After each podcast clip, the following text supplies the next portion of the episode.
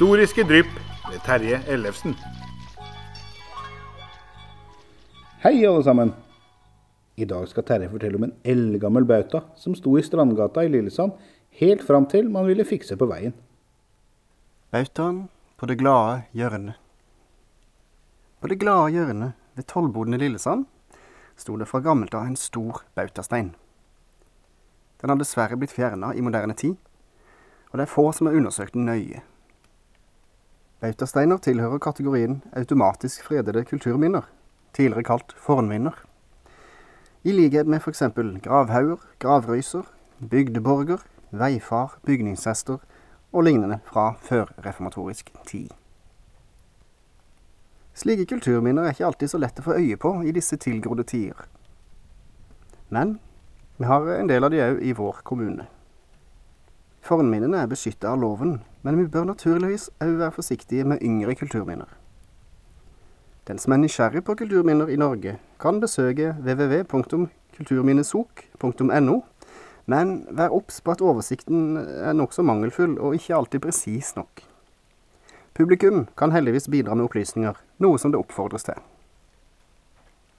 Elisabeth Skjelsviks rapport om en topografisk arkeologisk registrering for det økonomiske kartverket i Lillesand kommune, Aust-Agder, fra 1989, skriver følgende om bautasteiner her i kommunen. Bautasteiner kan markere graver. En er allerede nevnt i forbindelse med røysene på Skalle, men de to høyeste finnes på Kjøstveit og Ørsland. De er henholdsvis 1,9 og 2,5 meter høye. Tallrikest er bautasteinene på Kleivsmoen, på forskjellig bruk av songe, med i alt syv, opprinnelig åtte, men de er bare inntil én meter høye. Den ene står trolig midt i en ring av tettlagte stein. Det er synd at denne fine fornminnegruppen, som også omfatter hauger, muligens også graver under flatmark, er blitt oppstykket av villabebyggelse. Bautaen i Lillesand nevnes ikke før seinere i rapporten, men vi skal vende tilbake til Skjelsviks undersøkelser etterpå. Først må vi forsøke å spore den forsvunne bautasteinen tilbake i tid. Jens Kraft ga i 1826 ut topografisk statistisk beskrivelse over Nednes amt. Dette var en del av et større verk som omfatta hele landet. I slutten av boka, i avsnittet Historiske notiser angående Nedenes amt, skriver han følgende. I Vestre Nordlands prestegjeld står en stor bautasten ved gården Østre Ørsland og en annen ved Lillesand. Dette er med bekjent første gang bautasteinen i Lillesand blir nevnt, men den er utvilsomt gammel og har nok blitt reist av menneskehender som et minnesmerke eller en grensestein langt tilbake. Kraft gir dessverre ingen videre beskrivelse. Hans verk er kortfatta og er for det meste tørre fakta. Lillesand ble offisielt ladested i 1821, men grensene ble gått opp først i 1830. Lillesand gårds våningshus lå i Strandgata 15, ofte kalt Bendiksens hus. Det fremgår ikke av Krafts tekst om han mener bautaen står ved Lillesand gård, som lå midt i ladestedet, eller at den står ved ladestedet Lillesand generelt. Interessant nok fins det en karttegning av området slik det var i 1818. Den ble tegna i forbindelse med en eiendomstvist mellom kjøpmann Bendix N. Rosenkilde og kjøpmann Nils Justnes. På kartet vises ikke bautaen, og faktisk heller ikke tollboden. Man kunne jo spekulere i at bygget har blitt flytta dit det fortsatt står, for en helt annen plassering. For tollboden er heller ikke synlig på flere prospekter av Lillesand fra 1820-tallet. Men det kan òg hende at karttegneren ikke har oppfatta bygningen og bautasteinen som nødvendige for eiendomstvisten. I Arendal starta i 1832 en rekke prominente menn, blant dem Morten Smith Dedekam opp et av Norges første museer, nemlig Arendals skoles offentlige bibliotek og museum. Dedekam var museets første formann, og var svært aktiv. Opplysningstidas utdannede og bemidlede menn la grunnlaget for våre museer og arkeologiske samlinger, og Dedekam gikk i de sine fotspor når han samla både gjenstander og skriftlige observasjoner. Det er mulig at det er bautasteinen i Lillesand han beskriver i følgende stykke. Ved inngangen til Lillesand står i gaten eller veien tett ved et gjerde en stor, flad sten oppreist, uten noen inskripsjon. Men det er ikke sikkert det er samme stein han omtaler.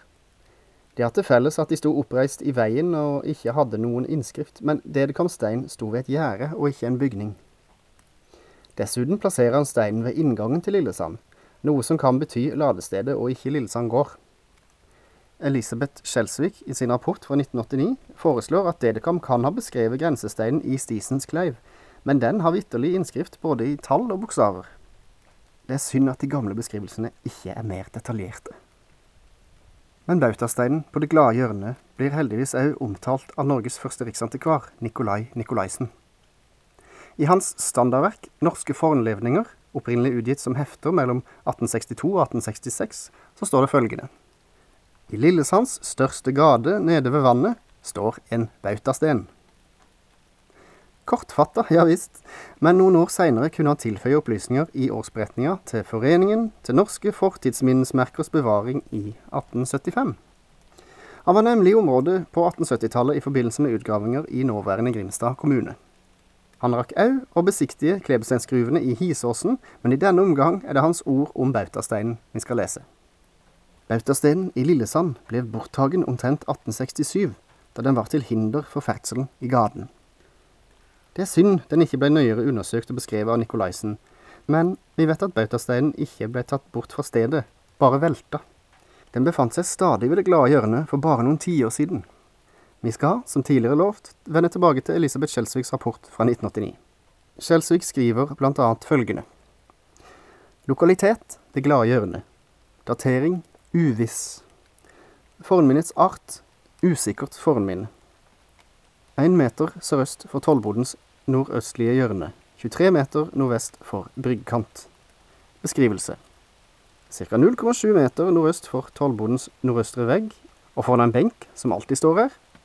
Helleformet stein av gråsvart, tett bergart med flat overside, uregelmessig firkantet. Ligger så å si i gatenivå. Synlige mål ca. 1 ganger 0,75 ganger 0,04 meter. Kåre Selma Lindeberg og Kjell Rosenberg, begge 4790 Lillesand, har antatt at den registrerte hellen kunne være identisk med bautasteinen nevnt i litteraturen. Steinen skiller seg av farve ut fra de øvrige stein på stedet. Steinen har altså blitt velta omkring 1867, men fikk ligge mer eller mindre på samme sted. Den var faktisk fortsatt på plass inntil relativt nylig. Det var veiarbeid som ble bautasteinens bane. Lokalhistoriker Jon Gustav Johansen kan fortelle at den ble fjerna på tidlig 90-tall i forbindelse med gravearbeid.